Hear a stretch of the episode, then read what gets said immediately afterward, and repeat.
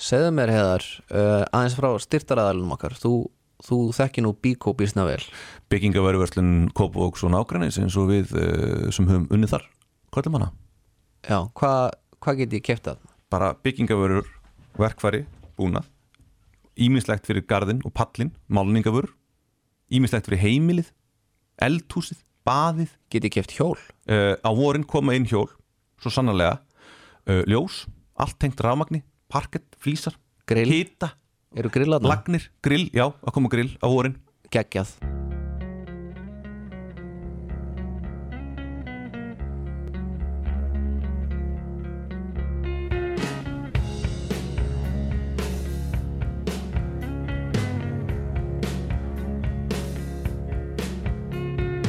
What else should I be? All apologies. What else could I say? Everyone is gay. Var það þetta sem að stjórnvöld uh, sögðu varandi hérna þessa frelsissviftingu sem að fólk lendi í hér í sóttvarnarhúsinu Þannig að þau voru ekkit all apologies, þau sögðu bara everyone is gay já, eiginlega meira þannig sko það er enginn búin að byggjast afsökunar á neinu Nei. þótt þetta sé sennilega bara eitt af stærstu klúðurum uh, bara Íslands sögunar Já, ke- ég veit ekki hvort það er kannski er aðeins svo stórt til orða tekið en ég er að reyna að finna eitthvað svona eitthvað við hæfið, það er svona e, mögulega ekki búið að, að klúðra meira síðan hrunið átti sérst að Já. fyrir svona 12 árum En þú ert, ég, núna er ég bara að tala um sóttvarnarhótelið sko Já, já, þetta er eh, massíft klúður massíft skýta En það er, það er náttúrulega ekki skita á við hrunið Nei, nei, ég er að endalega að segja að síðan hrunið hefur enginn skýtið svona massíft upp á bak Jú, Panama kannski já, Að kannski, já, Panama Panamaskjöld þegar atna, þegar atna, sænski blaðamaðurinn segir atna, við Vindrið vindris, kannastu við eitthvað við vindris hef, e, atna, he, þú hittir hann á prikinu atna, sumarið 91 kannast ekki við hana Nei. Nei. 91, ég var bara 12 ára sko já, nei, ok Ég þurfti að taka strætónir í bæ já, einmitt. En það er hann Bjarni Már Magnússon, lagaprófessor við háskólan í Reykjavík. Hann segir sem sagt að, þú veist, yfirvöld skuldi okkur bara, að skuldi fólki bara afsökunarbeðinni. já, ég meina sko þetta var ekki löglegt og þú ert að loka fólk inni mm -hmm. að vera með lagaheimild fyrir því Mhm. að þau skulda okkur allan afsökunum beðna á því að Eða ekki okkur, heldur þe þá sem að voru sviftir frelsi. mér finnst hún skulda allir þjóðinu afsökunarbæðinni út af því að það er svo mikið í húfi Mm. allt sumarið, hvort við fáum að fara frjálsum innanlands, fara í sund fara í ræktina, hitta bara sko annað fólk, hitta bara frænd fólk Mhm. Já. og hvort að börnin getur verið á leikskóla eða í grunnskóla eða allt þetta það veltur á þessu, Mhm. þannig að já ég meina, þetta er svo mikið klúður og þetta skiptir svo miklu máli að mér finnst bara ég alveg með að fá afsökun þátt að ég sé kannski fara aftar í röðina, ég er ekki í svona forgangshópi sko En þetta er náttúrulega partur af stærra samhengi, er þetta að Já. meina sko. Þú veist, Já, að þetta- afsökunarbeðinni bara á hvernig hérna uh, COVID-mál hafa verið Já. tækluð. Ég nefnilega var, þegar ég var á klóstun á hann, Mhm. að þarna að sinna mínum e- erindagjörðum, Já. Mhm. að þá varð ég allt í henni mjög reyður ég var svona var að hugsa sko Já, svona þú veist hvað ætti ég að segja það eftir nú eftir og náða svona að sæka mig upp í svona frekar mikla reyði gagvart því að að líkamsræktastöðin mín Já. væri lokuð við skulum ekki vera reyðir, við skulum vera yfirvegaðir í dag Já, Það en ég ekki? bara, þú veist, hugsanir mínar þú Já. veist, það, það varð svona ólga í þeim Já, þetta er uh, orðið þreytt, þetta er orðið meir en ár Þetta er búið að vera langur tími og nú vitum við að þarna, þú veist, smitin berast inn í landið frá landamærunum þó svo að það sé búið að gaslýsa okkur heil mikið af atna, samtökum ferðarþjónustunar Já. og Jóhannesi útskýrara mm Jóhannes gaslýsara eins og ég kalla hann Jóhannes, Jóhannes gaslýsari Já, að hann uh, kemur alltaf að segja þetta er ykkar hegðun, ykkar hegðun, Já. Mhm. ykkar hegðun og, og það er alveg rétt hjá honum að þegar veiran er komin inn í Íslands samfélag Já. þá er það Íslandingar sem smita hvort annan og það er Eðlilega, við veldisvöxtur. þurfum bara að lifa okkar lífi þú skilur. Já, en málið er það að, að eins og hann atna, Már Örlíksson forritar er búin að benda og Hann er mi- mikill meistari hann er mikill meistari og, og atna, kjarnir er búin að fjalla um þetta og svona Mhm. er það að sko tölfræðin sem kemur frá smitum á landamærunum Mhm. er röng, af því að yfirleitt berast þessi smit til, til okkar innanlands frá fólki sem kemur erlendis frá bara nokkrum döfum síða þegar það virðir ekki sóttkvinna Mhm. eins og við sáum nú í frétt hérna bara fyrir tveimur dögum þá bara voru einhverja marokkoskar píjur bara mættar upp í á góðstöðvar Markost par held ég já par, var Já. það Þau voru mætt upp á góðstöðvar í, á strigaskum Já. og í galabuxum Einmitt. og áttu náttúrulega verið sótkví en Já. heldu því fram að þau ættu ekki að verið sótkví Einmitt, þetta fólk vissi ekkert um landið þau voru að búast við 10 gráðu stiga hita Já. og ég held að þau væri bara í, í fínum máli með gallaböksunum sínum Mhm. og þetta var lið sem átti bæði eftir að þurfa að bjarga af björgunarsveitinni og þau átti eftir að hosta framan í björgunarsveitina líka Mhm. Já. til þess að þakka þeim fyrir líkjöfuna og björgunarsveitin átti eftir svo að fara í bæinn og hosta framan í sko uh, þarna, restina Grindavík og, og, og Njarðvík og þaðan átti þessi veira bara svo að breyðast út þar að segja Já. ef við væri með þarna, COVID Reykjavík, Sandgerði, Vogar, Já, Logar já, Eða nákvæmlega hvernig var þetta aftur hjá Bubba? Þið munið all, þið munið all, þið munið all Er Jæja. það þannig sem það er? Það það er þannig að hann fer- fer þessa röð Reykjavík, Eh. Sandgerði, Vogar, eitthvað svona Já, eitthvað logar, Af því þú, þú, þú, þú Ah. náttúrulega ert með hérna rýmar er það Keflavík sangerði vogar já Sko, kjarnaukursbrengjan sem hann var að yrkjum Hún hefði sennilega farið beint á herstuðin Þeir hefði miðað á, á herstuðin en þú veist vogar á vastleysuströnd hefðu ekkert sloppið Nei, vogi varsleifstöðum hefðu logað, sko Já. Við hefðum séð, við hefðum verið í Reykjavík Og við hefðum séð skýð sko. þetta er svona svipað með eldgósið Þetta er Við svolítið erum- svipað. já, við erum svona í örugri fjarlægð Já, þetta er svona, kjarnaukursbrengjan hefði farið þarna á keflauguflugullin Bara bombast það já, og nú, bara, já, þetta er svona svipað þú getur ímyndað ykkur ef þið farið upp á perlunum núna í kvöld og horfið á, af því að perlan er mjög fínt útsinni yfir mm. eldgósið já, þú sérður logana alveg þaðan já, þú getur ímyndað þér að þú væri þarna 1980 og, og það er brotist út þriða heimsturöldin og þarna væri rústnesk kjarnokursbækja ég fer ekkert um kvöld ég og þryggja mánuða barn já, já, ég kannast alveg við þetta þú, þú ert að ferð bara að heiman, hvað átt þú sjö mánuða barn já, þú bara ferð ég fer bara ímislegt fer út að fara með drikk með félagunum fer út og, og þarna, þú átt þú góða konu sem leiði þér allt Nei, nei, já, ég- hún það- leiði mér hún Ég- leiði mér einu sinni til tvisar í vikum Ég er nú náttúrulega að grínast af því að ég er þannig að ég vil helst ekki fara neitt já, þannig að e- ef að ég, þú veist, ef ég ætti konu sem að myndi banna mér að fara út sem hún gerir ekki Já. þá væri það bara fínt ég myndi Já. ekki líta það sem ofbeldi Þú hefðir ekki ég orðið myndi var segja bara við það. takk Já. ég, já, ég var aldrei að fara neitt þannig að það myndi aldrei koma Hva- upp neitt Hvað ert þú friksjón þá að tuða yfir, atna, yfir ástandinu? Er þetta ekki bara fínt ástandinu? ég vil komast í Getur mína alltaf heima. fucking rækt og Já. ég verð bara svolítið svona Þú veist það, hér- hérna að því við vorum að byrja á nirvana áðan ég verð alveg svolítið svona þegar ég, þegar ég hugsa um þetta Já, Hérna kemur þetta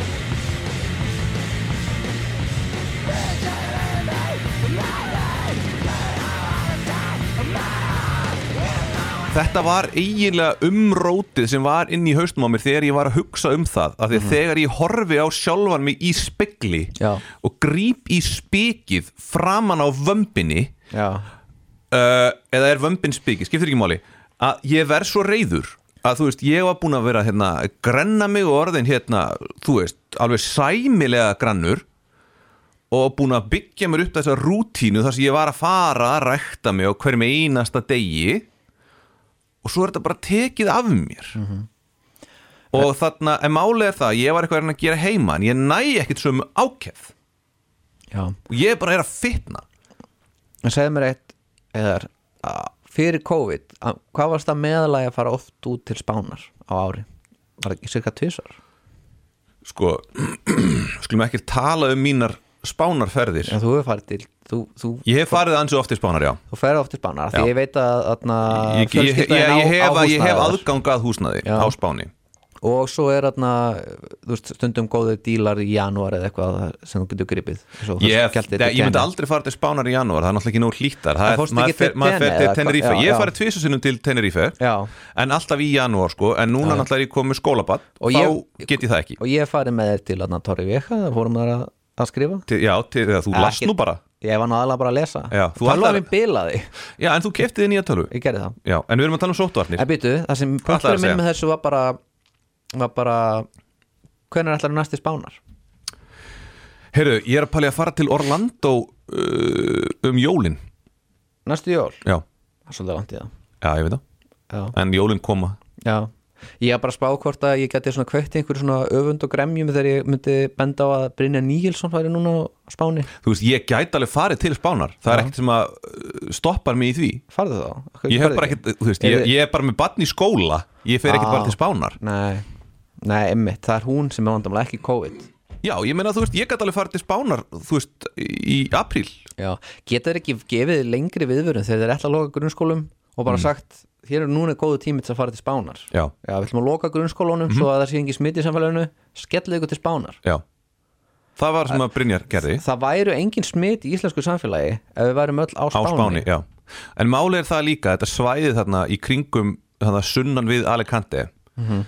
að þú veist, þarna eru ekkert nema bara einhverjir bretar og skandinavar sem að, eldri borgarar sem eru bara inn í húsunum sínum Bretar og Þú- rónar. Bretar, það er engin rónar hana Já, þú Sást veist, einhverja róna fólk, ég er að ímynda mér alltaf þetta gamla fólk sé bara þarna, Já, þannig, eh, liggjandi í sangri inn í bakarinn Já, heima hjá það, sér. það má vel vera, en það er bara heima hjá sér Já. Þú veist, það, þú, það er eiginlega besti og örugasti staðurinn til þess að, fyrir okkur til þess að geima mann eins og Brynja Níelsson Já. er akkurat á þessu kostablanka svæði á Spáni Já, rétt Þannig að við ættum eiginlega að láta hann í friði Þetta er Hann var ekki, eiginlega- hann var ekki gedansk Já, þú skilur. já, þetta er eiginlega ígildi sótkvíjar hvort sem Já. er, þú, mitt, eins og þú segir það er ekki hægt að hitta manneski þarna við Eiginlega vorum, að, ekki. við vorum að, í eiginlega fullkominni einangrun Já. já, þetta er alveg ótrúlegt Og Það var ekkit COVID þá sko Nei, nákvæmlega Og svo var maður líka bara alltaf úti, það var líka svona mikið strekkingur þegar við vorum hana Alltaf blés, maður er ekkit að fara að smitast af einhverju COVID sko Nei Það hjálpar ekki hér og rókið Það hjálpar hér, náttúrulega Er það?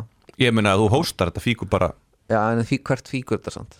Fíkur þetta ekki upp í einhvern? Nei, það fíkur út í veður og vind Já, ok Það eru svo fáir á Íslandi Hver, hver, Já, já, sé, en hérna, hver er úti líka? Þú ert einu maður Já. sem ert úti Já, Einmitt. hvort sem er Einmitt. Allar inn í bíl hvort sem er En núna eru þeir svolítið, þeir eru svolítið að vaða í hana, hana á- áslögu örnu Þarna bæði Þórólfur Já. og Kári Já voru að kýla niður fyrir sig Það er nú svolítið nýtt að Þórólfur sé að, að ráðast á ungar konur Já, Kári hefur svolítið Kári hefur alveg gert það ekki nú tíð Já, hann hefur líka ráðast á unga menn sem ég hef sagt frá þessu Já. þætti þegar hann réðast á mig í Körbólta Já, já, Gaf Ká- mér gott olbúðaskot Það er eh, ekki sjálfgæft að Kári uh, þú veist, uppnefni fólk eins og hann gerði nú hann Brynjar, Brynjar Trump sem hann kallaði, sem var nú Og- frekar lélegt uppnefni sko. Já, ég held að Brynjar Nílsson hafi verið svolítið ánæður þegar hann heyrði þetta Já, ég er Trump, ég er Trump Íslands, ég er Trump Það er sem hann, þú veist, já, þannig að hann er svolítið svona að- að- að hérna, að- að gera í rauninni heldur hann sé að gera honum eitthvað grikk Nei, hann er bara, þe- þegar sjálfstæðismenn heiða þetta, hugsaðir, ég ætla að kjósa hann Brynjar í næsta prókjöri því að,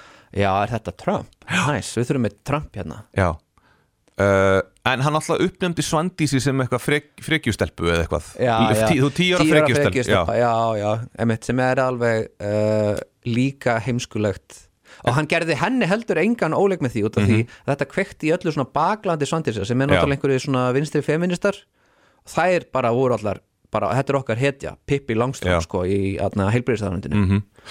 já þannig, e- í, í rauninni sko e- e- ef að hún er tíu ára stelpu frekja hvað er þá Kári? ég sko, Kári er svona 30 ára já eða þú veist, er ekki Kári bara svona dæmi gert gamalmenni, mér finnst eins og allir þessir gömlu gaurar, þú veist, kallmenn sem eru 70 pluss séu sko frekasta lið landsins Já, en það hlustar enginn á þá Nei, nei, en Ká, við hlustum sko að Kára Kári er, alltaf sá eini Kári er í rauninni ekkert annað en þarna kommentari Já, sem á peninga og hefur aðgangað fjölmiðlum einmitt, þetta er svolítið það þú veist, hann er, uh, þú veist af hverju er hann ekki bara í kommentakerfinu af því hann á peninga Já, En við höfum þarna tekið eftir því að, ég, eða þú veist, við vorum svona að ræða höfum verið aðeins að ræða þetta með þarna kommentakerfin já, að það eru svona ákveðnir aðilar sem að eru svona, eiginlega svona kommentakerfa celebrities, maður Já. svona, þú veist, þú skrolla niður kommentakerfin og þú sérð alltaf sömu prófælmyndirnar Einmitt. myndirnar aftur og aftur einmitt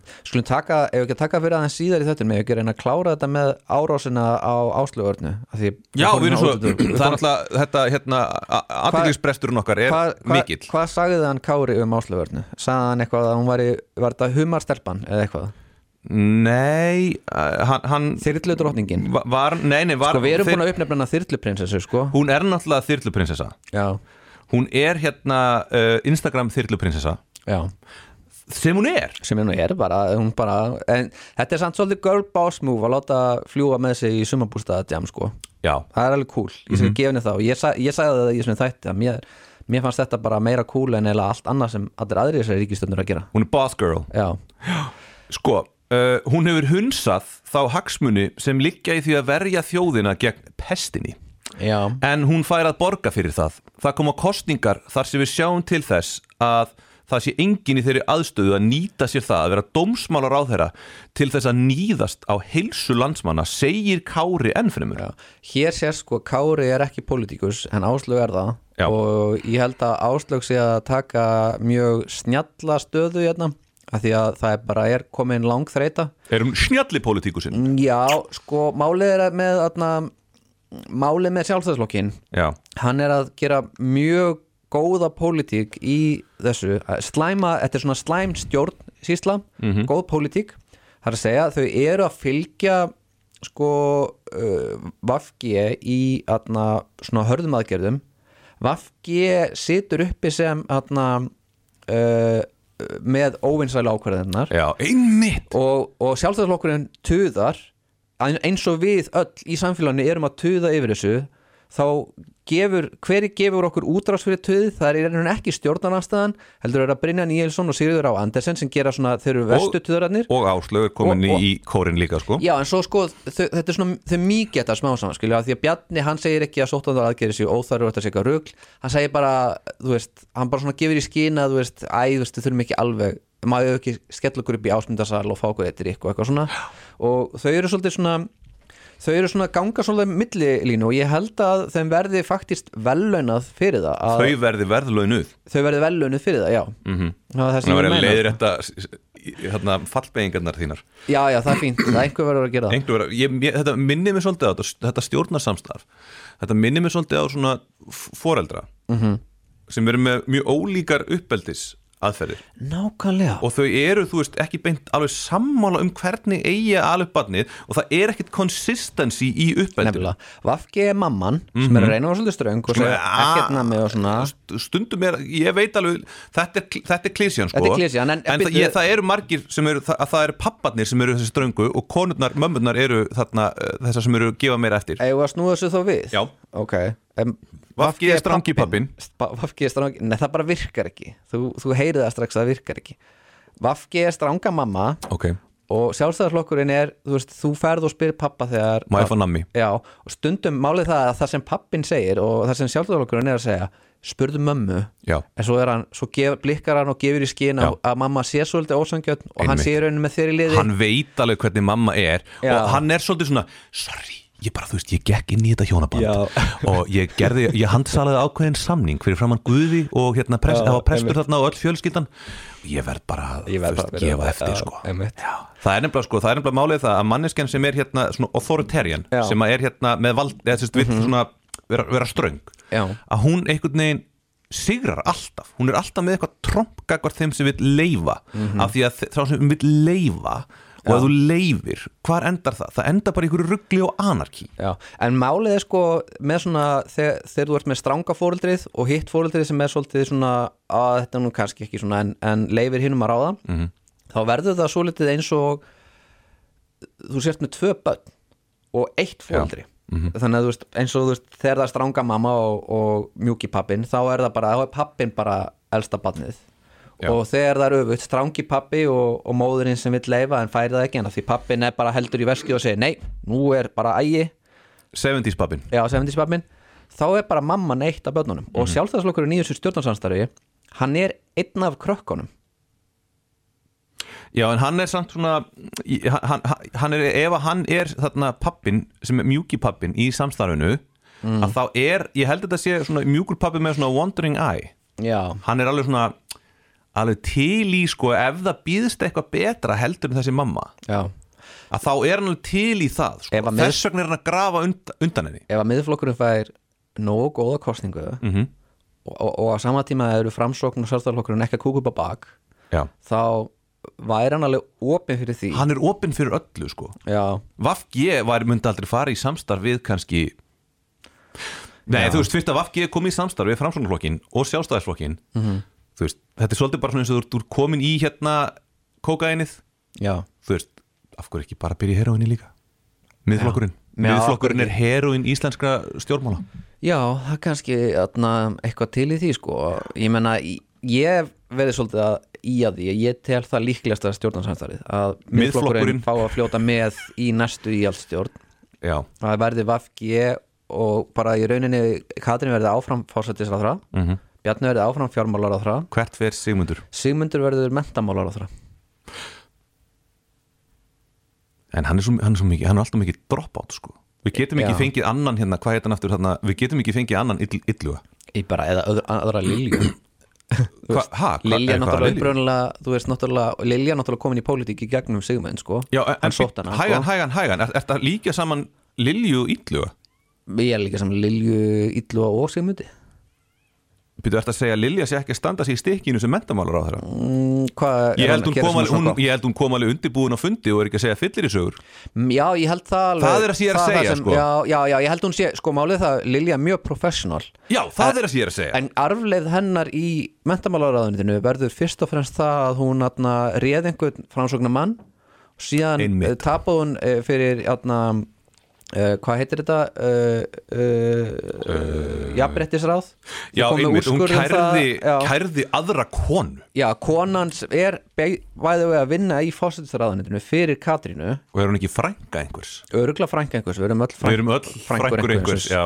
en, en atna, Lilja basically kærir hana og það þetta er uh, svolítið stressandi að því að ráð þeirra kærir þig persónulega og þetta Mhm. er eiginlega svona eiginlega ó, bara hefur eiginlega ekki svona hefur ekkert mikið verið að gerast áður yfirleitt það bara færðu bara þennan dóm og eins og Jóhanna Sigurðardóttir hún uh, fekk dóm og atna, hafði samt farið eftir einhverju sem að nefndin sagði en réð einhvern kall og hafði átt að ráða konu samkvæmt jafnbæriðisráði Já, og þegar hún fekk dóminn og svo bara létt hún þar við sitja hún sagði bara "Já, ok, þá bara greiðum við skadabarnar Fine. og ég bara, bara byrðist afsökunar eða, þú veist, hvort hún baðist afsökunar ekki, ég veit það ekki all apologies Sað hún ekki bara everyone is gay Já, hún sagði það, like me Já, Everyone is gay like me, sagði hún er, það- er það eitthvað lag? Everyone is gay like me Það var ekki alltaf Það var gott lag, já, everyone is gay, gay like me já.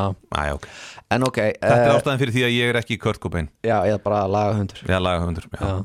en, uh, en emitt, ég held að þú veist, Lilja er örgulega að gera eitthvað annað í mentamálaráðendinu eflaust, en það mun engin mun eftir því, fólk mun aðalega tengjana við það að hafa farið í þessa þarna, árás á þessa konu og flækjast inn í dómstóla bara því hún vill hafa rétt fyrir sér hún vill bara fá að heyra, Lilja þú hafði rétt fyrir þér og Já. eitthvað svona, en uh, hún fær það ekki hún á bara eftir að atna, sitja uppi með bara starri þú veist, eh, lögfræði kostnað já, hún er náttúrulega, Lilja er náttúrulega grjóthörð hún er náttúrulega úr breiðholtunni eins og hún þarna flaggar oft Já. ég held samt hún sé ekkert úr alvöru breiðholtunni sko. Já. hún er örglega úr, þú veist, úr einhverju einbíli eitthvað staðar, sko, eða, eða raðhúsi þarna fyrir ofan e, mjótina En kannski er þetta ósækjönd samlíking af því ég held að Illu og Sigmundur þeir myndur sennilega ekki nenna að fara í eitthvað svona máli þeir myndur bara eitthvað sk- gleyma þessu bara já, Já, eða Lilja vill bara fá að heyra að hún sé flottu feministir sennilega eða eitthvað Hvað vill hann fá? Hvað vill hann fá úr Mm, hún þessu er dóm? lítið sko, mér finnst Lilja ekki mikið vera að flagga einhverjum feminisma, mér finnst hún meira bara, þú veist, hún er bara partur af flokksmaskinunni Já, og þar skiptir einhver máli sko, hva, hvers kyns þú ert, það er bara hver er næstur í röðinni já, mitt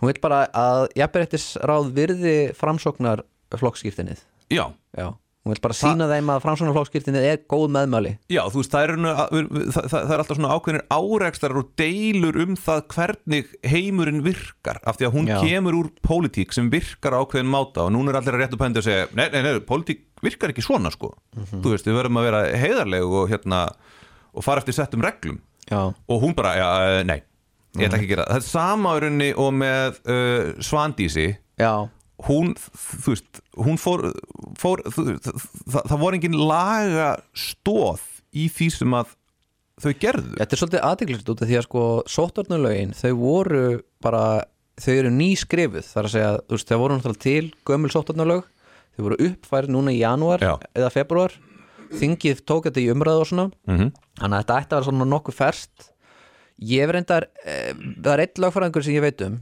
sem að na, vill meina að dómurinn hérastómi sé rangur og, og hann botnar ekkert í því að landsréttur hafi ekki tekið þetta fyrir Ok. honum finnst bara að það eigi að taka þetta lengur upp á næstu stig og bara fá almenlega úr því úrskorðið hann vilt meina að þetta sé alveg þetta gangi upp Helga Vala er ekki en, sammála Helga því var ekki sammálaði, Þóruldusun er ekki sammálaði og eiginlega, mér finnst eins og sko 90% af svona lögfræðingum sem ég er að sjá tjá sig um þetta á, á félagsmiðlum, samfélagsmiðlum eins og þú vilt kalla það Þetta er einhver svona jaðar Þetta er Náungi. jáðarskoðun En ég held Já. samt alveg að í- Þetta er svona gaur sem er ekkit rugglaður skilur Mhm. En ég hugsa með mér Þetta er alveg örgulega ástæða til þess að taka þetta lengra og bara Já. fá hæstarétt til þess að gera út um þetta út af því þetta er það mikilvægt mál við þurfum að vita, getum við sem varnaráðstöðun uh, þarna loka fólk inni út af því að málið er það sko þetta snýst ekkit endilega um núverandi þarna uh, vírus Já, þetta getur snúist um það næsta já, eftir, þú veist, og kannski eftir 70 ár þá, þá skiptir það máli kannski, þú veist, mena, hvað, ef að við fáum eitthvað sem þarna, eh, þú veist, ef með, þú veist, smitar svo, eh, eins og COVID en drepur í 30% tilvika -hmm. það hefur gerst í sögunni, skilur Já. við svartudauði gerðist þannig að maður bara spyr sko ég væri bara til í að vita það er þetta alveg útlokaða við, við skikkum fólk í, í sótkví út af því að það, þú veist, þegar spænska við gengi ekki yfir og, og bara þegar afi minn var lítill með spænsku veikina nei ekki spænsku Nei. veikin en, en hann var lokaður inn í viku eh, í einhverjum skóla eh, í svona sótkvíarhúsi Mhm.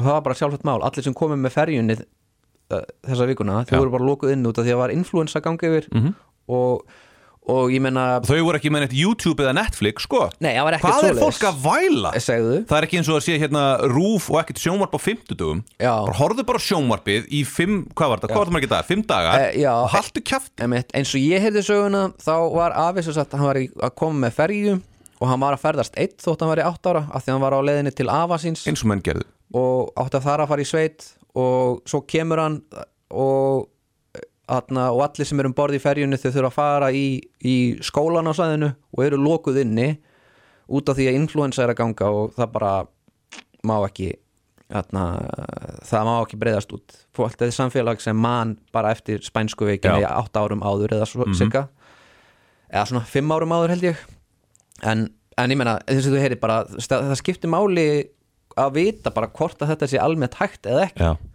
Þú veist, og ég reyndar svo ég hef heyrt sum að segja að þetta stendst ekki í stjórnarskrá ég vil bara fá, fá að sjá hvað í stjórnarskráni hindrar þetta Mhm. bara við þurfum að vita þetta já, en þú veist, þetta fólk sem að náttúrulega sturlaðist yfir því að vera sett í þetta sótkvérhús Þetta er sama fólkið og hérna ef að barnið þeirra fær lága einhvern fyrir hegðun að þetta er fólkið sem að ringir í kennaran og kennir kennaranum um það Hvað ert þú að segja um barnið mitt? einmitt já, þetta er svolítið forréttinda pakk Já.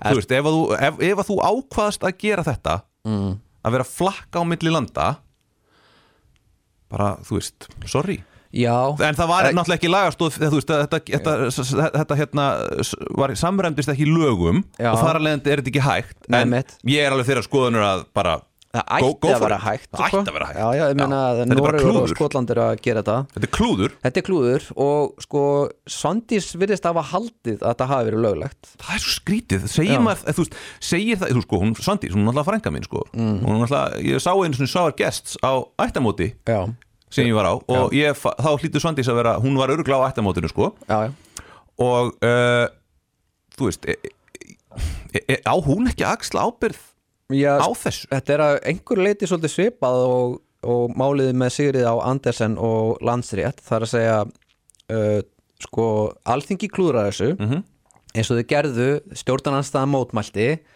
en það var ekki kosið um hvert dómara fyrir sig og það stóðst ekki þarna, lögin sem alþingi sjálft hafði sett og uh, rannsóknar skildar á þeirra hún var ekki uppfyllt og Sigurður Já. Andersen raukstuði ekki nægilega a- a- að fylgja ekki atna, tillugum nefndarinnar mm -hmm. samt voru tillugur á þeirra máttu nú alveg ákveði hvað annað, þurfti bara að sinna rannsóknarskildu já, og hún bjóð þar með til uh, mörg mál þar sem uh, ríkið var skadabótaskilt já, og þetta er mjög svipað þessu máli, Sandi Sagastóttir hún atna, hún í rauninni er með þing sem klúðrar lagasetningunni Eða þau gerðu bara lagasetningu, gerðu það var lagasetningu ekki sem var ekki vilji nógu góð. til þess, eins og Helga var Já. búin að útskýra þá var ekkit vilji til þess að setja þessa hluti inn í þessu Nei, lög nei.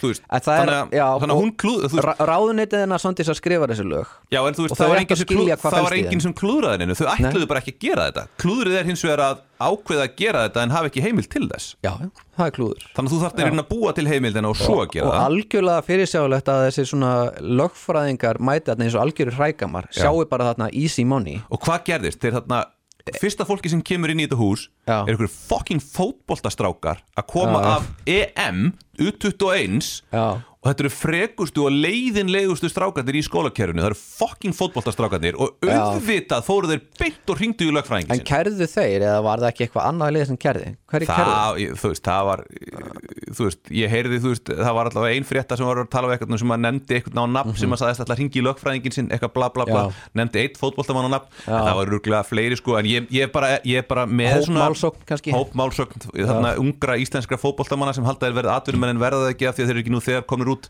Já, en sko þarna, eh, eins og ég las þá sem sagt, tóku þessir lögfræðingar að sér málin aðeins að þarna, fá borgað fyrir fyrirfram Já, og þeir rukka í rauninni bara ríkið um sinn þarna, sta- eh, starfskostnað og eh, þeir eru á ágættis tímaköpi þeir fengu 750 krónur eittir fekk 750.000 krónur fyrir vinnu um eina helgi já, eðlilega eðlilega, þetta er nú bara eðlilegt tímakaup skilur Mér við, finnst hann er, hann er að vinna um miðja páska það fannst Já, vera já. langi, það er álag og svona álag frá það skoðunum Mhm. mm já en uh, já, þetta er þess að frekar galið og þetta er svipað og Sigurður á Andersen hún bí- bjó til uh, 20 miljóna uh, skadabótamál á hendur ríkisins og Sandís er búin að gera það sama og En nú er einhverjar- ætti fólkið nú ætti fólkið sem að uh, vildi lýsa við vantröst á hendur uh, Sigrið á Andersen það ætti að lýsa yfir uh, vandurusti á Sandrísu Sæfarsóttur Já. nema það spili inn pólitík í það og þau vilja ekki útiloka samstarf gæti, við það vakki gæti mögulega verið að það, að það spili eitthvað smá að spila smá, samfélkingin vill ekki stuða og píratar vilja ekki stuða vafki, þau vilja að geta unni með þeim Já. eftir í næstu ríkistjórn Einmitt. en ég ætla bara að segja það strax, það skiptir engum máli miðflokkurinn kemur inn í stjórnarsamstarið, þið getið alveg lýst yfir vandurusti og verið róleg Hvert þetta út? Vafki? nei, vafki verður áfram minni Við bætist bara miðflokkurum við já, miðflokkurinn bætist við eftir þessar kostningar En er Sigmundur ekki svo mikið til fílu út í þarna framsunarflokkin? Sko, já, hann verður mentamálaráðra og þeir segja að þú mátt uh, búa til einhvers konar uh, húsaminja arkitekta stopnun, þar sem þú getur verið að leika þér að tekna atna, byggingar sem Jónas frá Hriblu hefði fílað Get- þá, getur þá hann ekki- held ég að það sé ofsvít díl fyrir Sigmund til að segja nei Er ekki hægt bara að stopna ráðunett undir hann, bara grjótminja ráðherra? Já, mitt grjótminja ráðunetið Já. Herðu, já, Hann getur farið og fundið all, eða, eða rakettu spýtu söpnunar ráðherra? Já, það hafa áður verið stopnuð ráðuneyti til þess að atna, passa upp á að menn eh, sko hægi sér Eins og og, hvað? og getur verið með í stjórnarsamstarfi Hvaða ráðunetti var það? sko hann Edvard Július Solnes hann mm. fekk að vera fyrsti umhverfismála ráðhverja Íslands Já, flott. og það var í stjórn með Stengrimi Hermannsinni og sem sagt, eh, Július Solnes kemur upprunalega úr sjálfstæðisfloknum Július Vívill Solnes? nei hann er, þetta er Edvard Július Ó. þetta er mjög gott nafn Er ekki, var ekki eitthvað Július Vívill Solnu, Sol, Solnes? Örugglega. Æ, ok, skiptir ekki máli. Örgulega Erðu, en þarna sem sagt, hann uh, Solnes, hann satt á þingi fyrir borgaraflokkin sem var flokkurinn sem hann eh, Albert Guðmundsson stopnaði undir sig þegar hann þarna hafði verið tekin fyrir að svíkjumdan skatti og þurfti að segja af sér sem ráðherra hjá sjálfstæðarflokknum merkilegt nokk, alveg ótrúlegt hvernig þarna var tekið á því í þá daga með við hvernig það er núna Herðu, smá innskot. Július Vívill Ingvarsson, fyrirverandi Já, borgarfulltrú hann er sjálfstæðisflokksins. ekki Solnes Nei. Nei. Sorry, Já, ok uh, Ég held áfram með söguna já, fyrir ekki En allavega, það sem ég finnst svo fyndi við Solnes sko, er það að áður en hann var atna, umhverfis uh, ráðherra þá bara stopna ráðuneyti undir hann til þess að halda honum góðum af því að þú veist, það er svo eh, mikill fórnarkostnaði fyrir svona hægri menn að vera í vinstristjórn mm -hmm. þeir missa alla vini síni í sjálfstæðarflokknum og svona, þú verður eiginlega að bæta þeim upp einhvern veginn og sem sagt, hann var fyrst var hann ráðherra hagstofu Íslands Það var bara að vera að búa til Það eitthvað bara- ráðunett undir Já, hann bara eitthvað, hérna þú ert Já, ráð, ráðherra, ráðherra Hagstof Íslands og síðan uh, fór hann yfir í umhverfisráðunetið og var fyrsti umhverfisráðurann en hann var það bara í eitt ár Af því að ráðunetti var lagt niður Nei, svo kom bara kostningar Þetta Já. var bara að vera að finna honum eitthvað að gera Já. En það sem mér finnst skemmtilegt við sól, hann Sólnes er það, sko, hann var verkfræðingur og hann fór í sko nám til Tókjó 1963 Já. og lærði jarðskjáltafræði þannig að sem er mjög skemmtilegt, það er svona byggingaverkfræðingur sem er sérfræðingur í jarðskjáltum og eiginlega svolítið synd að svoleiðis maður hafi farið inn á þing og, og verið ráþöra því að ég meina var ekki meira spennandi ef þannig maður væri að þú veist bara byggja hús Jú. Jú.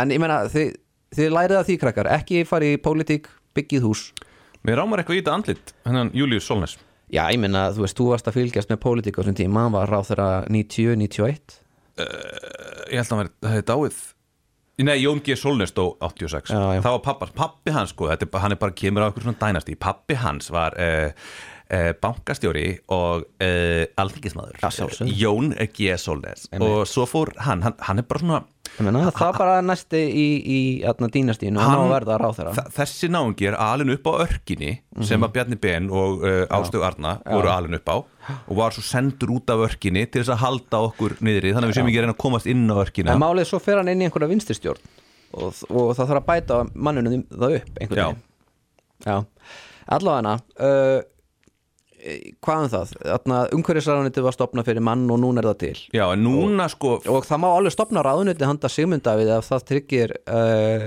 Katrin Jakobsdóttur uh, aðra ríkistjórn grjóta og rakettu prika málaráðara Já, það getur verið einhvers konar sagna minn í að stopnun, hann myndi alveg Já. fíla það að vera einhvers konar húsafriðunar á þeirra sko, hann geti valdið alls konar óskunda og bara ge þau gefur hann svona kannski tjekk eftir upp á 500 miljónir og segja bara sem myndur farðu og friðuðu einhverja steipu einhvers staðar Já, Ég meina, hann er að skemmta sér. Mér er gaman að sjá hérna Sigmund Davíð fyrir mér að hann að fylla út ávísanir Hvað er þetta? Ávísanir eftir hvað, hvað, hvað gjör ég hér? Þetta er Það ekki- geti verið menningamálar á þeirra samt, Já, spáði að, það Hann aðskilja myndi al- elska- íslensk, íslensk þjóðmenning Íslenska þjóðmenningarráðuneytið. sem aldrei, það gætt aldrei neitt svara því hvað er íslensk þjóðmenning Nei. þegar hann byrjaði að tala um þetta þegar hann var fórsetisráðara íslensk þjóðmenning Já. að þá var, þú veist, vo- voru fjölmeilar að senda inn fyrirspurnir bara hvað er íslensk þjóðmenning og voru að senda þetta til Jóhannesar útskýrara og inn í mentamálar Jónessa Gaslýsara Jóhannes Gaslýsari fyrirgjöðu og hérna, það gat engin útskýrt þetta Nei, ég ekki veit ekki. einu sinni Jóhannes Nei, hann gat einmitt. ekki einu sinni reynt að gaslýsa þjóðina varandi þetta mál Já. en ég málið er það að það, það, það er Sko svo finn þjóðminjasafnið fór undir fórsættisraðunetið það var bara, þeir tóku bara þjóð, þjóðminjasafnið og Já. mentamálaráðunetinu og allt innum var það komið inn í svona deild í fórsættisraðunetinu eins og þarna fórsættisraður að þetta hafa eitthvað að segja um þjóðminjasafnið sko. hann er bara lítill frekur strákur Já, þetta voru leikfungin sem hann vildi fá já, Uh, dótið hans Já, Ég meina að þú veist, þegar það var verið að flytja hérna átt að fara að henda einhverjum pappýrum hérna hann tók Mhm. eitthvað frekju kast og faldið á milli þylja og eitthvað hérna upp á rúf já, já Sko, en ma- ma- það er reynda svolítið fyndið að því að við erum að tala um einhverja ráþeira eins eins og þessi Július Solnes bara, Já. ég man alveg eftir þessu náunga Já. uh, heldur þú að sé einhverja líkur á því að þú veist eins og dóttir mín sem er sex ára ég tók mér til, þurfti að útskýra fyrir henni hver væri Bjarni Benediktsson Mhm. hver væri Katrin Jakobsdóttir og forsetin héti Guðni TH ég Já. fattaði bara á hvernig tímapunkti að hún vissi ekkit hvað fólk þetta var hún vissi ekki hverja forsetisráður, hún vissi ekki hverja forseti Já. En þú veist, þegar ég var sex ára þá vissi ég hver á forseti Íslands Ég vissi hver, ég vissi hver hérna Já. Stengrimur Hermansson var, þú skilur Ég er enda sko, ég er eh, sko sex ára þegar Stengur með Hermansson er eiginlega alveg hætt í pólitík þannig Já. ég vissi potið ekki hver hann var en ég vissi hver Davíð Oddsson og Jón Baldun voru Já, Eh, af því Ólafur að- Ragnar Já, Ólafur Ragnar og allt þetta lið þetta, uh, þetta vissi maður alveg en það var tvent sko, það er náttúrulega það er ein stöð og það eru fréttir og svo inn er það sko spaukstofan sem maður horfði alltaf á, Spaugstofan og sem held manni áramótaskaupið. svolítið svona, já þetta er þannig, þú veist maður vissi, en, ma- en sko ég held samt að ég hafi ekkit, vi- ég hefði kannski ekki þekkt Davíð Oddsson, ég hefði bara þekkt Örn Átnarsson sko, Já en ég vissi samt alveg hvaða gaur þetta var Maður áttaði sig á því, sko, þú veist Ég er búin að vita eins og með, hvað heit hún aftur hún hérna uh, Jóhanna Sigurðar Þú veist, ég er alveg búin að vita hver Jóhanna Sigurðar var frá því ég var krakki, þú Já, skilur já, já En þú veist, heldur þú að krakkar í dag viti hver ástöðu Arna er? Þau vita það ekki Þau eru heppin Þau eru mjög heppin Já, þau eru rosa heppin þessi krakkar í dag, þau geta bara hort á hvað sem er og þau þurfa ekki að, að fylgjast með þessar línulugu dagskrá sem er hundleðileg og, og þurfa ekki að vita hvað er í gangi í En samfélaginu það er eitt annað sem að ég hef tekið eftir sko, að sex ára krakkar í dag vita ekki við, hvað fóreldrar þeirra vinna og þau vita heldur ekki eins og hvenar þau eiga afmæli þá er ég ekki að menna hvenar foreldrar þeirra eiga afmæli En þau, þau sjálf? vita ekki einu svona hvenar þau sjálf eiga afmæli það, nei, því trúið Jú. nú ekki A- í alvöru, Jeps en ég, allir krakkar sem ég eh, veit af, þeir eru bara mjög uppteknir að því að eiga ammali Ég veit það, ég er að lenda í, í krökkum sem eru 6-7 ára já. og jafnvel líka, eða þú veist, svona leikskóla krakkar sem eru svona 5 ára sem vita ekki hvenar þau eiga afmæli og hvað, fáðu þau þá að halda upp ammali? Já, já, þeim er sagt, þú veist, þegar það er alveg að fara að koma að því Já, mikið eru þetta góðu krakkar að vera ekki með upptekinn að þau fá gjafir og kökur og svona Ég á því miður ekki þannig dóttur, sko Nei. Hún veit alveg hvenar hún Þú- er afmæli þú ólst hann alltaf vel upp sko. Já.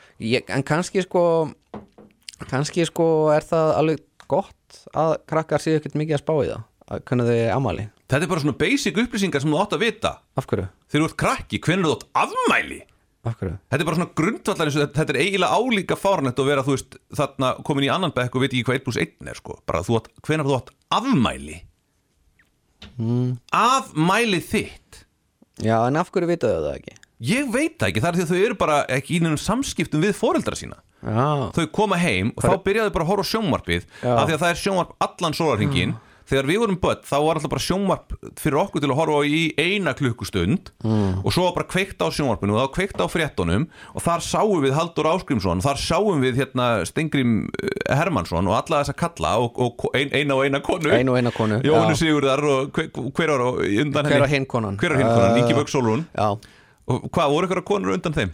Eiginlega ekki það voru einhverja konur Guðrún Helgadóttir? Guðrún Helgadóttir En hún var En við- Eh, samt aðallega barnabókahöfundur. Já, maður vissi hver Guðrún Helgadóttir var Já. af því hún skrifaði þessar bækur sem var búið að lesa fyrir mann Já. og þetta er ástæðan fyrir vissum þetta því að það var svona centralæst upplýsingagjöf var centralæst en núna er upplýsingagjöf út um allt Mhm. þar er leiðandi vita krakkar ekkert hvað er að gerast í þjóðfélaginu og þau vita ekki einu sinni hvað er að gerast hjá þeim sjálf hvað vita krakkar? ekki neitt Ertu viss? þau vilja bara vera YouTube stjörnur og Instagram stjörnur Já, YouTube stjarnar eru orðið svona nýju slökkulismæðurinn Já. en sko einu sinni vildu krakka vera slökkulismæður lögga, smiður, geimfari núna vilja þau vera YouTube stjarnar Já. þú veist, sem, og bara vinna við það að opna box og sína öðrum hvað er í boxinu Ég meina, ég er alltaf að segja það, ég hef myndi að sagt það áður í þessum þætti að þarna þjóðleikúrsið myndi græða á tá og fingrið, myndi bara setja upp sýningu þar sem gói er að opna, þú veist, um, umbúðir, bara eitthvað dót í einhverjum umbúðum. ég, ég myndi horfa á það. Sjáuði krakkar, þetta henni er egg, ég ætla að opna það, það er svona lítið dót inn í, þá ætla að borða ekki, svona kindiregg. ég var alveg til í að horfa á það Opna kind, gói opnar kindiregg, þetta er þið hittari ársins. ég er til í að Pældi hvað er dýrt að setja upp fucking kardimanbæin Pældi Einmitt. öllu staffinu all, all, all, all, hérna, Allt þetta overhead og kostnaðurinn Já. Settu bara fucking góa á sviðu Látt hann opna eitthvað drasl já, Þetta er Do million dollar idea it. já, um að gera Það þetta sko. er bara gróði já, já, og svo er, það, að, svo er þetta á íslensku Já sem bara gott, gott fyrir krakkana Nei, að það, sitja í því ég myndi tungumál. ekki hafa þetta á íslensku Þau skilja ekkert íslensku bara gói á ennsku Gói á ensku wow, look at this kids Já. Einmitt. Johnny, Johnny, yes papa Já, þetta er þá á endanum svona þannig myndið þið kynnast þjóðleikúsleikarunum Já, og svo Og- syngur hann Baby shark di, di, di, di, di, og Nei, þau- Jú. nei, hættu nú Getið þið ekki sungið eitthvað úr kardimámubænum samt? Já, Er Svona, ha, svo þetta sé svona pínu þjóðmenningalegt þjóðminning Norex Já Takk, það, já, En kannski Eh, ég Mér held að- finnst kardimámubæn vera íslensk þjóðmenning Mér er alveg sama þótt að það sé einhver norsari sem skrifaði það, skilur Normen halda Snorri Sturluson hafi verið normaður þannig að við getum alveg trúa því að Torben Egner sé Íslendingur Já, þá eru við bara normenn líka og ég vil fá Já. allt það sem að normenn fá Já Hefur þið séð Við- þess þú, ert, exit þú, ert þætti? í, þú ert í síðustu þætti að tala um að þú vilt fá íslenskt exit íslenska exit-serju Já, já, bara, ég vil ekkert serju, ég vil, bara, ég vil bara búa í norsku samfélagi Ég vil bara Já. fá þessi fínu hús og Já. Mhm. allar þessar teslur hérna inn ég vil að íslenski kvótin og fiskurinn í sjónum uh, ég vil að, að hann verði notar til að búa til einhvers svona auðlindasjóð sem er eins og norski ólíusjóðurinn Þetta er svo lítil öðlind nei, þetta er slatta auðlind, við erum svo fá Já við erum svo fá, þess að er lítil auðlind alveg nót þess að við lifum gott sko. En er þessi auðlindasjóður ekki þannig að uh, hann er bara inn á banka og þau nota hann ekkert já, Það Já, Ah, er ég vil, svolítið fá, þannig. ég vil fá, ég vil fá dót Ég er bara svo krakkin sem já, vil fá ég, þú, dót þú vilt fá að rentuna sko Já, já. En ég vil, við- kom, ég vil fá arð Ég, getum við ekki notað þá vextina að þessu til þess að gefa þér eitthvað Jú, Jú. Þannig að það er það sem ég er líka búin að vera að segja Ég er, að, ég er að ennþá að leita að stjórnmálaflokk sem ætlar að segja Snæbjörn, hér eru peningar Já. sem að gefa þér pening -hmm. Þannig að ég, ég er að ennþá að auðlýsa eftir honum Já.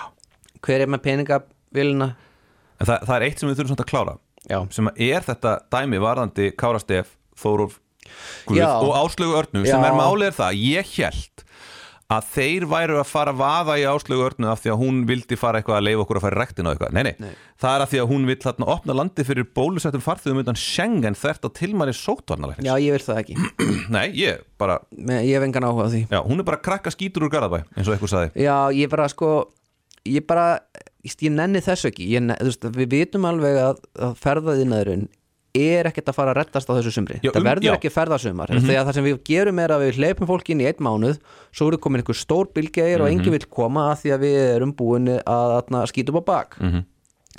við erum bara í staðin fyrir þetta reynum bara að skikka fólk í að vera í nokkura daga hreinsun einhver staðar Mhm. það verður bara sektað að það er ekki inn á hóteli og við fylgjumst með því og síðan atna, kemur það út og þá má það kannski skoða þessu um og eitthvað svona en við fáum fáa en góða gesti og á Já. móti þá getum við all farið í sund við getum farið í rektina, krakkarnir farið í skóla leikúsin opna bíóin opna, listasöfnin opna kaffihúsin, skemmtistæðarnir allt verður opið og við höfum það gott núna er bara eitt opið hvað? það er þetta helvitis eldgós Já, og það er ekki takt að fylgjast með henni það við erum bara þjóðatíð í atna, Geldingadal sko. Mhm.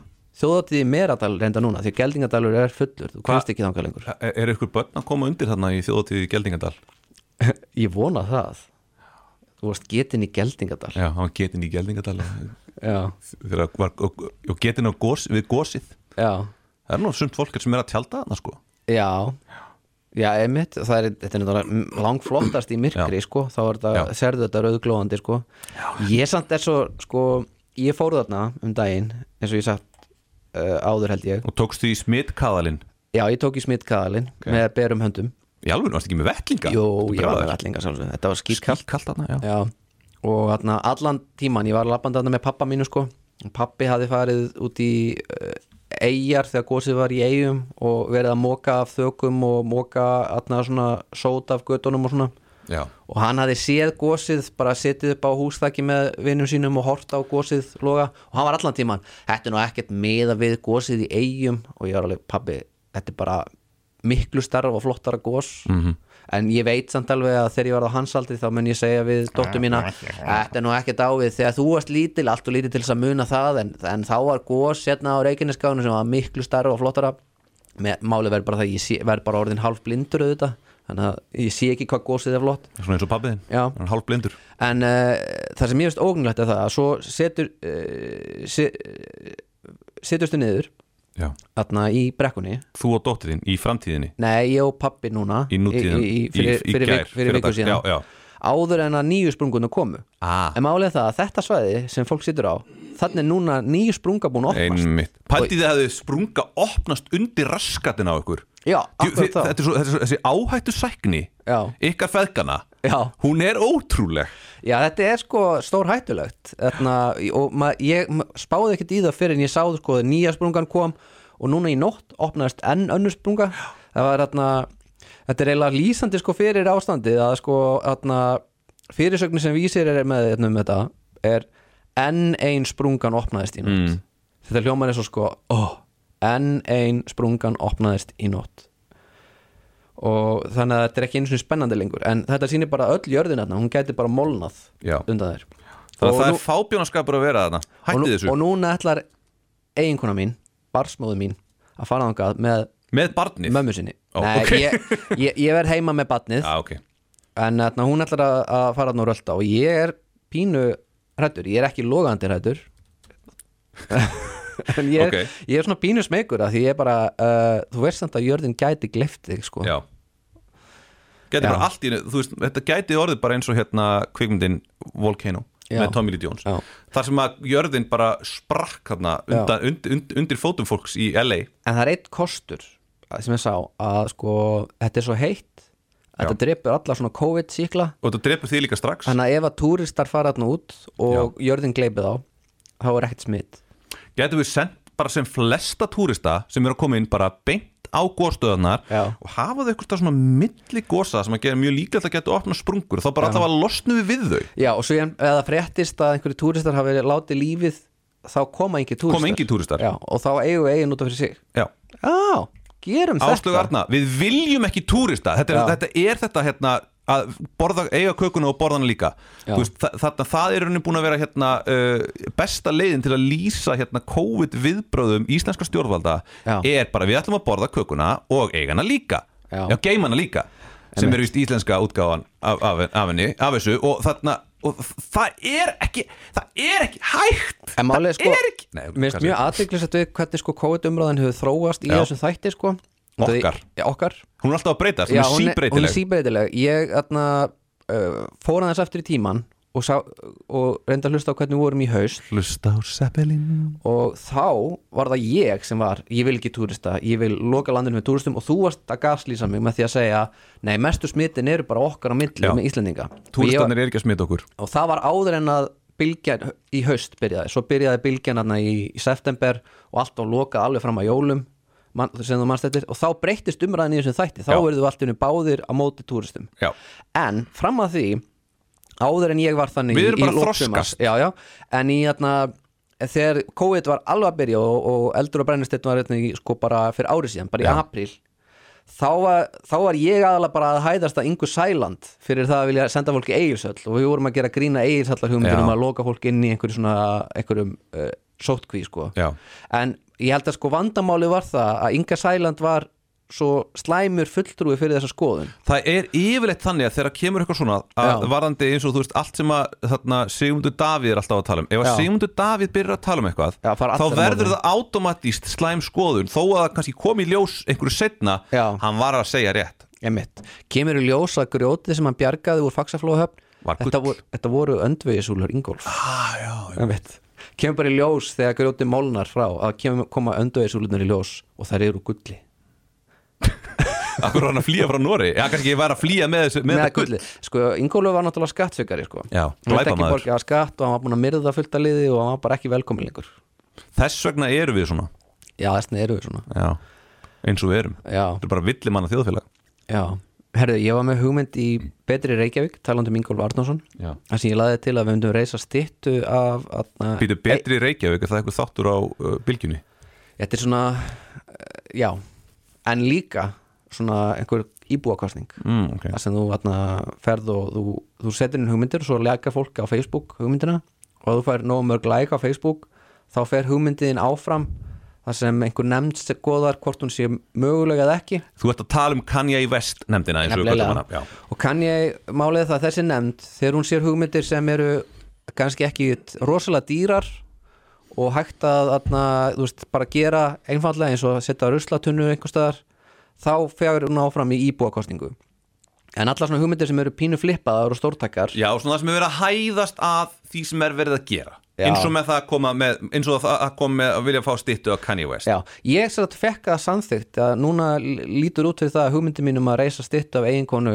atna, Ingols, hann að Hallveigu Já, og hún Hallveig gæti fengið styttu ef að, ef að íbúakostning samþykir hana já, En hins vegar uh, annan ángin sem ég kannast við þarna á Facebook hann uh, var mjög ósáttur við það að hugmynd hans um að opna lækin á lækergötu Hún var ekki- Skítalækin. Já, hún var ekki tekin sinn tæk það var bara sagt, neip, það er ekki hægt út af einhverju sangungu áallun já, og bara, uh, þannig að það gengur ekki við myndum ekki kjósa um þetta já sem ég er synda því ég my- myndi kjósa með því að opna þennan læk sko, ég vil hafa fá lækin alveg allalega hörpu og út í haf Ok, en, en greinilega má, ei- má ekki kjósa um það var lækurinn settur í stokk?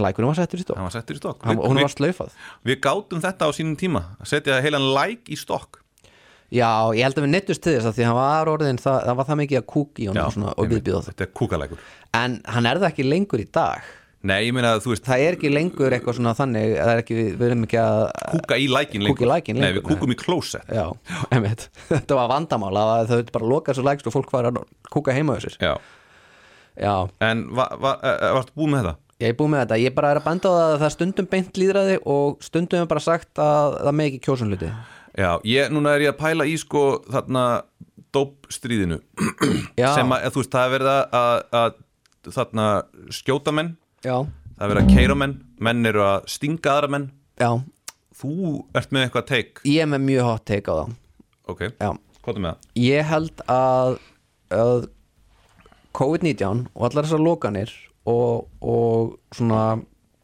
höft sem er á samfélaginu í öklambygginu eins og að loka skemmtustuðum og svona Já, þau eru að skapa svakalega pressu í undirheimum Reykjavíkur já, og þetta fólk þarf bara að komast á djammið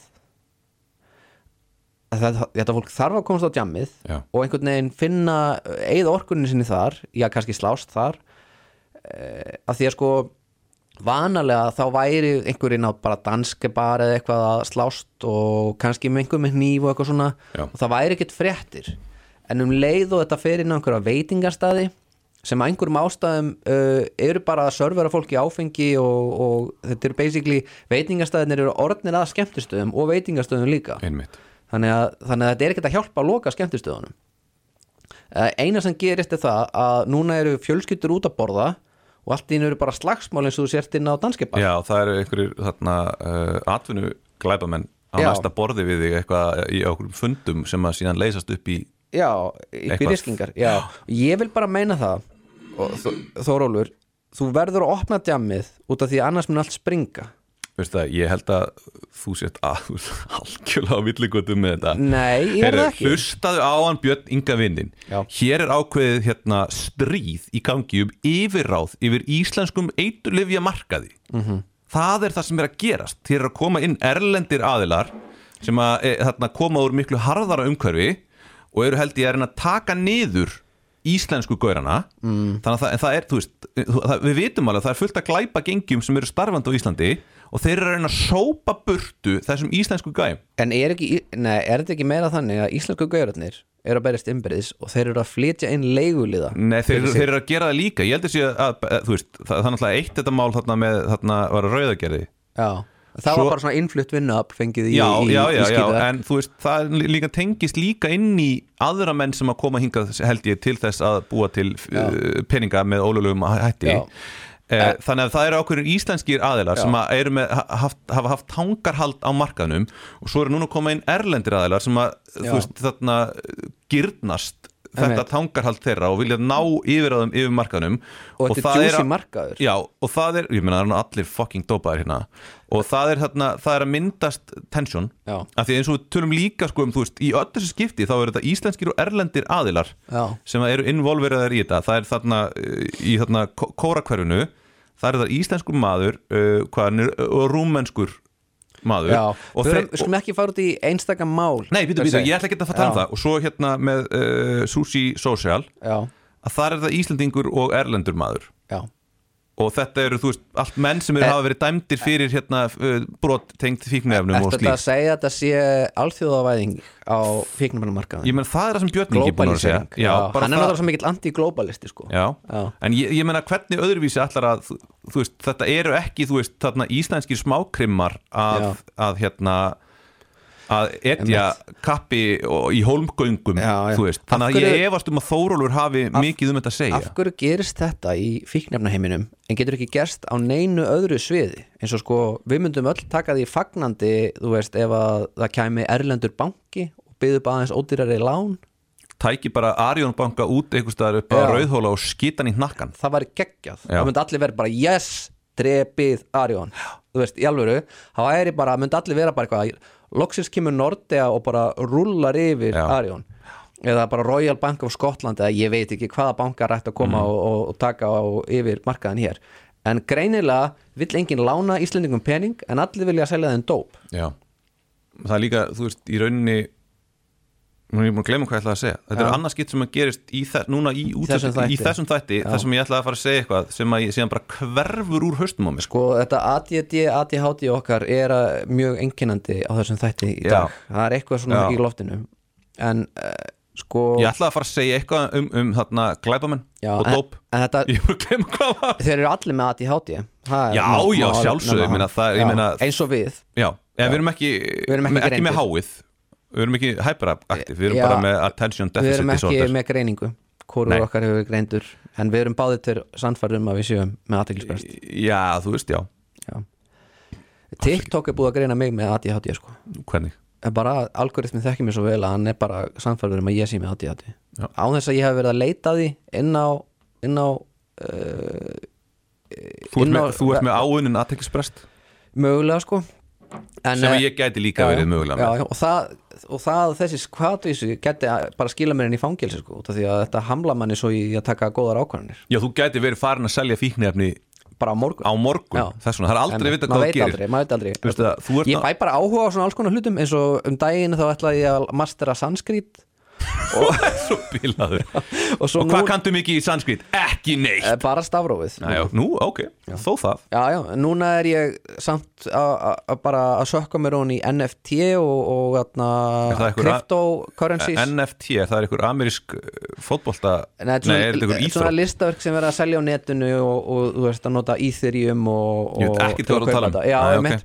okay. ég veit að ég áttur að missa áhuga á þessu í næstu Já. Mhm. viku sko. þetta, er bara, þetta er bara þannig en allavega hana uh, punkturinn minni sá að núna síðan COVID hóst þá hefur þetta samfélag verið í höftum og Orð ársins fólk- höft Já, og fólk er bara undir mikill pressu sálrætni út af þessu og þetta ár er búið að vera svolítið klikkað sko, því að þú manst sko atna, það voru verið að henda molotov koktelum inn í íbúður hjá fólki Já. takað upp og setja live streamaða Facebookum, mm kveiki einhverjum bílum í, á bílastæni á smálind og, og streyma því líki betni Og núna var að vera að kveiki í einhverjum bílum hérna eh, bara í gær eða eitthvað, fjóri bílar sem, voru, sem var kveikt í Einmitt, og það er ekkert endilega tenging á milli þess og einhverja slagsmála inn á atna, veitingastað eða einhvers morðs sem er í hluta einhverju dópstríði en það sem er svolítið að gerast er það sko að, að það er einhver stigmögnun einhver veldisvöxtur í klikkun í undirheimun og, og ég held sko að þessi, þetta er hluta tíðarlandanum og þetta er hluti af uh, af einhverju sko þetta er ekki efnarslegir kvatarendala efnarslegt ástand, þetta er bara svona þetta er bara svona sálrætt ástand sko og ég held að það sé ekki bara, það er ekki nóg að segja bara opni bara djammið og þá Já. losnum við opeldið, nei nei. Nei, nei. ég held bara almennt að sko uh, að, að sko að allar þessar aðgerðir sem eru í gangi í samfélaginu og, og öll þessi svona pressa sem við sköpum hún sé að finna sér í- fi- finna sér farvegi Farveg, þessu já. alveg eins og hraunið streymir Og eins og lækurinn, og eins og lækurinn skítalækurinn er í já, bæ já. Og við þurfum að setja þetta í einhvern stokk Setjum hraunið í stokk já, við setjum hraunið í Það stokk er frábær uh, útfærsla á þessu bara já, en ég meina kannski geti, þú veist, þarna Bíkó hjálpa okkur með að Já, heyrðu, fucking hell, ég glemd að segja því upphæfið þáttar að við erum í bóði bíkó Já, Ég við- seti eitthvað svakalega trailer hérna undan já, já, já.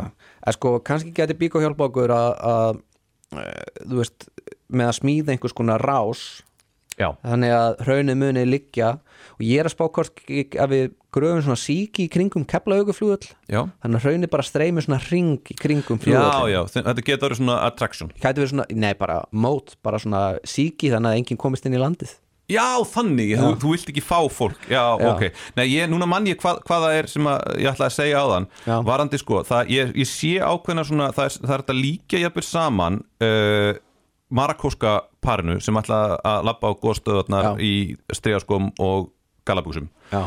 og þessum erlendu glæpamönnum Já, að þau fatta ekki sko þau, þau kom bara hérna, ég held, ég held að þau getur bara gert þetta og það var bara tíu stið hitti þau heldur að geti vaðið yfir okkur á skítum skónum já og svo er náttúrulega urðu þau úti já, e, þessir, hérna, þetta eru glæpumenn úr rosa, rosa stórum löndum það sem er kannski svona erfi eh, þú veist, það er mjög auðvelt einhvern veginn bara svona hverfa inn í mannfjöldan þú skilur, Já. það er svo mikið af fólki en hérna er það, hafa íslenski glæpumenn hafa alltaf fatta það að ef þú drepur eitthvað já, þá þarf hann að hverfa Já. þú getur ekki skilið hann eftir fyrir utan eitthvað hús Já. því að þá, þú veist, lögreglan mun finna þig Já, já. og þú munt fara í fangelsi já, já. En íslenski glæfumenn eru reynda mjög góðir eða slæmir eh, í því að láta fólk hverfa Það er að segja sko það eru margi sem hafa horfið á Íslandi sjálfsagt tengt einhverju slíku Já, já, það, er- það eru mjög mörg óútskýrð mannskvörf á Íslandi og svo hafa náttúrulega líka verið alveg hlægilega lélegar tilhörinni til þess að fela fólk eins og þegar þú keirir yfir hálft landið droppar eh, manni og hann í höfn einhvers staðar og hann finnst daginn eftir já, uh, eins og gerðist Mhm. -hmm.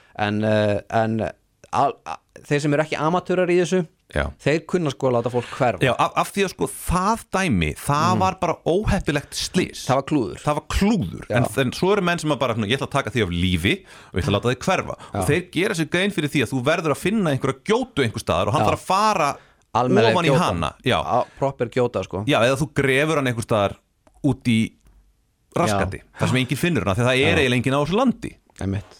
eða fær með hann og siglir eitthvað út á sjó og kastar hann út þar, ekki í höfnina Nei, þú gerir það ekki Þú veist, það, það þarf að gera við þessa höfn Já, en það er nú annars mér, ég er mjög fóruðin að vita hva, hvaða dæmið þetta er á vopna fyrir það því að það eru búin að finnast einhver bein þarna bara einhver sjómaður sem er að Aha, er þetta einhver sem hefur sjómaður? farist, já, er Heldurðu? það ekki það er líklegast líklegast já. lang flestir sem enda í sjónum eru sjómenn Þetta er ekki gerfinur, þetta er ekki guðmundur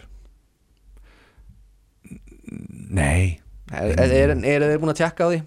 nei, Nei, þeir eru ekki búin að tjekka á því eru við með DNA úr þeim Nei, sannlega ekki, nei það er hægt að finna DNA úr afkomendum, nei, hann alltaf áhengi afkomendur hann þarna Guðmundur, hann var svo ungur Já, en hann á skildmenni Hann á skyldmenni, náttúrulega. já. Við þurfum að finna út úr þessu, það, það, það þarf að leysa þetta mál við sko. þurfum að finna þá Já, einmitt Fá þá í viðtal í þáttin að fjúpa þetta, þetta er svona Já. svona náungin mannstu náunganum sem hvarf þetta í Ameríku og svo byrtist hann bara eitthvað 12 árum setna Nei. Hring, hringdi 12 árum setna, bara hæ, þetta er ég ég er bara búin að vera í Texas, sorry ég hringdi ekki Já, Það held það var búið að afskrá hann af þjóðskrá bara það var búið að vera, vera minningar að töp já Herðu, það er sko það er japansk hefð fyrir því að láta uh, sig hverfa spórlaust sem er virt Þetta er mjög aðteklisvert og skemmtilega dæmi út af því að sko í Japan þá atna, er svo mikil félagsleg pressa Já, og það er, oft, það er ætlast til þess að þú ert ráðin í einhverja vinnu þú ert ævilangt þú ert æviráðin í þessari vinnu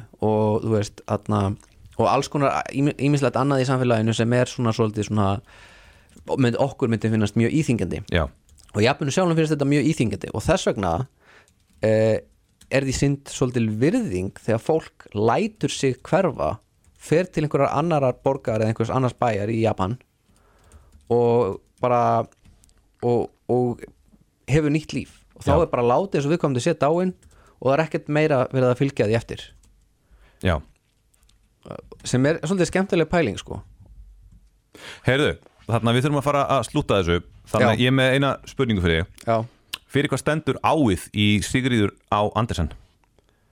Það veit það enginn held ég áts Áts, nei, Nei Er þetta ekki bara svona skraut á? nei það er, þetta, er- þetta er, hún heitir raunverulegu nafni sem byrjar á mm. Ástildur Ástildur, heitir hún Ástildur? Hérðan í Ok. frá ætlum við að byrja að kalla hana Sigríði Ástildi Andersen Já, eða bara ástildir Ástildur, Hún ástildur okkar er, Hún Ást- ástildur, okkar Ásthildur- vill nú meina að þetta sé nú bara eitthvað kvef Ástildur Andersen Hún ástildur vill meina að þetta sé nú bara atna, hluti af, uh, af náttúruna gang og við eigum ekki á Sem- ágjur að því sem það er Já.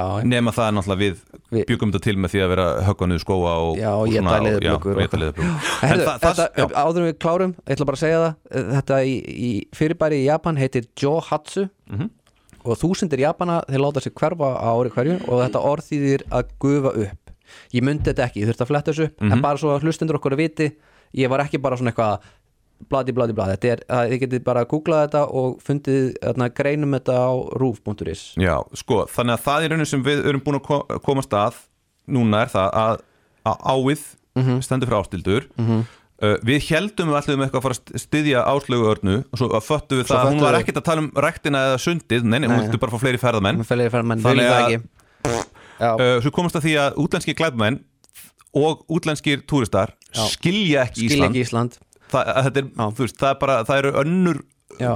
það eru önnur lögmál í gangi á Já. Íslandi heldur en þú getur ekki bara skotið mann út og götu Já. og labbað í burtu Já. og komist upp með það og allar þessar lokanir þær eru sem þessar potlók og þær eru að skapa mikla suðu í þessu samfélagi Já. og eitthvað mun á endanum bubla bresta, upp þannig að í raunni með því að halda öllu lokuðu núna mm Mhm. -hmm. uh, ert að skapa, ert að bara færa eitthvað nýjan vanda Já. fram í f- tímann sko Já. þannig að við þurfum eiginlega að fara að opna á og svo komum við með lausnina í þessum þætti sem Já. er það að öll íslenska þjóðin í heild þarf að fremja stort svona johatsu sem Já. að láta sig hverfa spórlaust til spánar, Spánar. Já.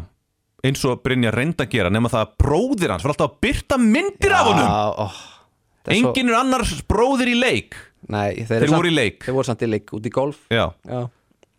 þess Já. vegna byrta hann myndir af honum En þá höfum við það, við höfum atna, fundið atna, lausnina já, og svör og jafnvel kannski fleiri spurningar já uh, verðum við ekki að enda á fyrst að ég var hérna, byrjaði hérna með uh, eit- eitthvað nirvana öskur Já, þá eitthvað finnst soft þá mm, meinarðu? nei, nei. Já, nei, við byrjuðum alltaf með hérna frekar, frekar soft sko uh, nirvanlag en þarna ég ætla að henda hérna í uh, coverlag sem, sagt, sem að sem sagt, Nirvana coveraði lag frá hollenski hljómsveit sem ég manni hvað heitir, sem heitir Lovebirds og var á hérna Bleach plötunni þeirra og ég er að pæli að spila það en við viljum minna á það að við vorum í bóði byggingaveruverslunar Kópavogs og Nágrinnis eða Bíkó Já. eins og hún er kölluð og uh, hún er víðan um land Já, og það þarf ekki að taka okkur of alvarlega heldur Jú, ég vil að fólk taka okkur sem mest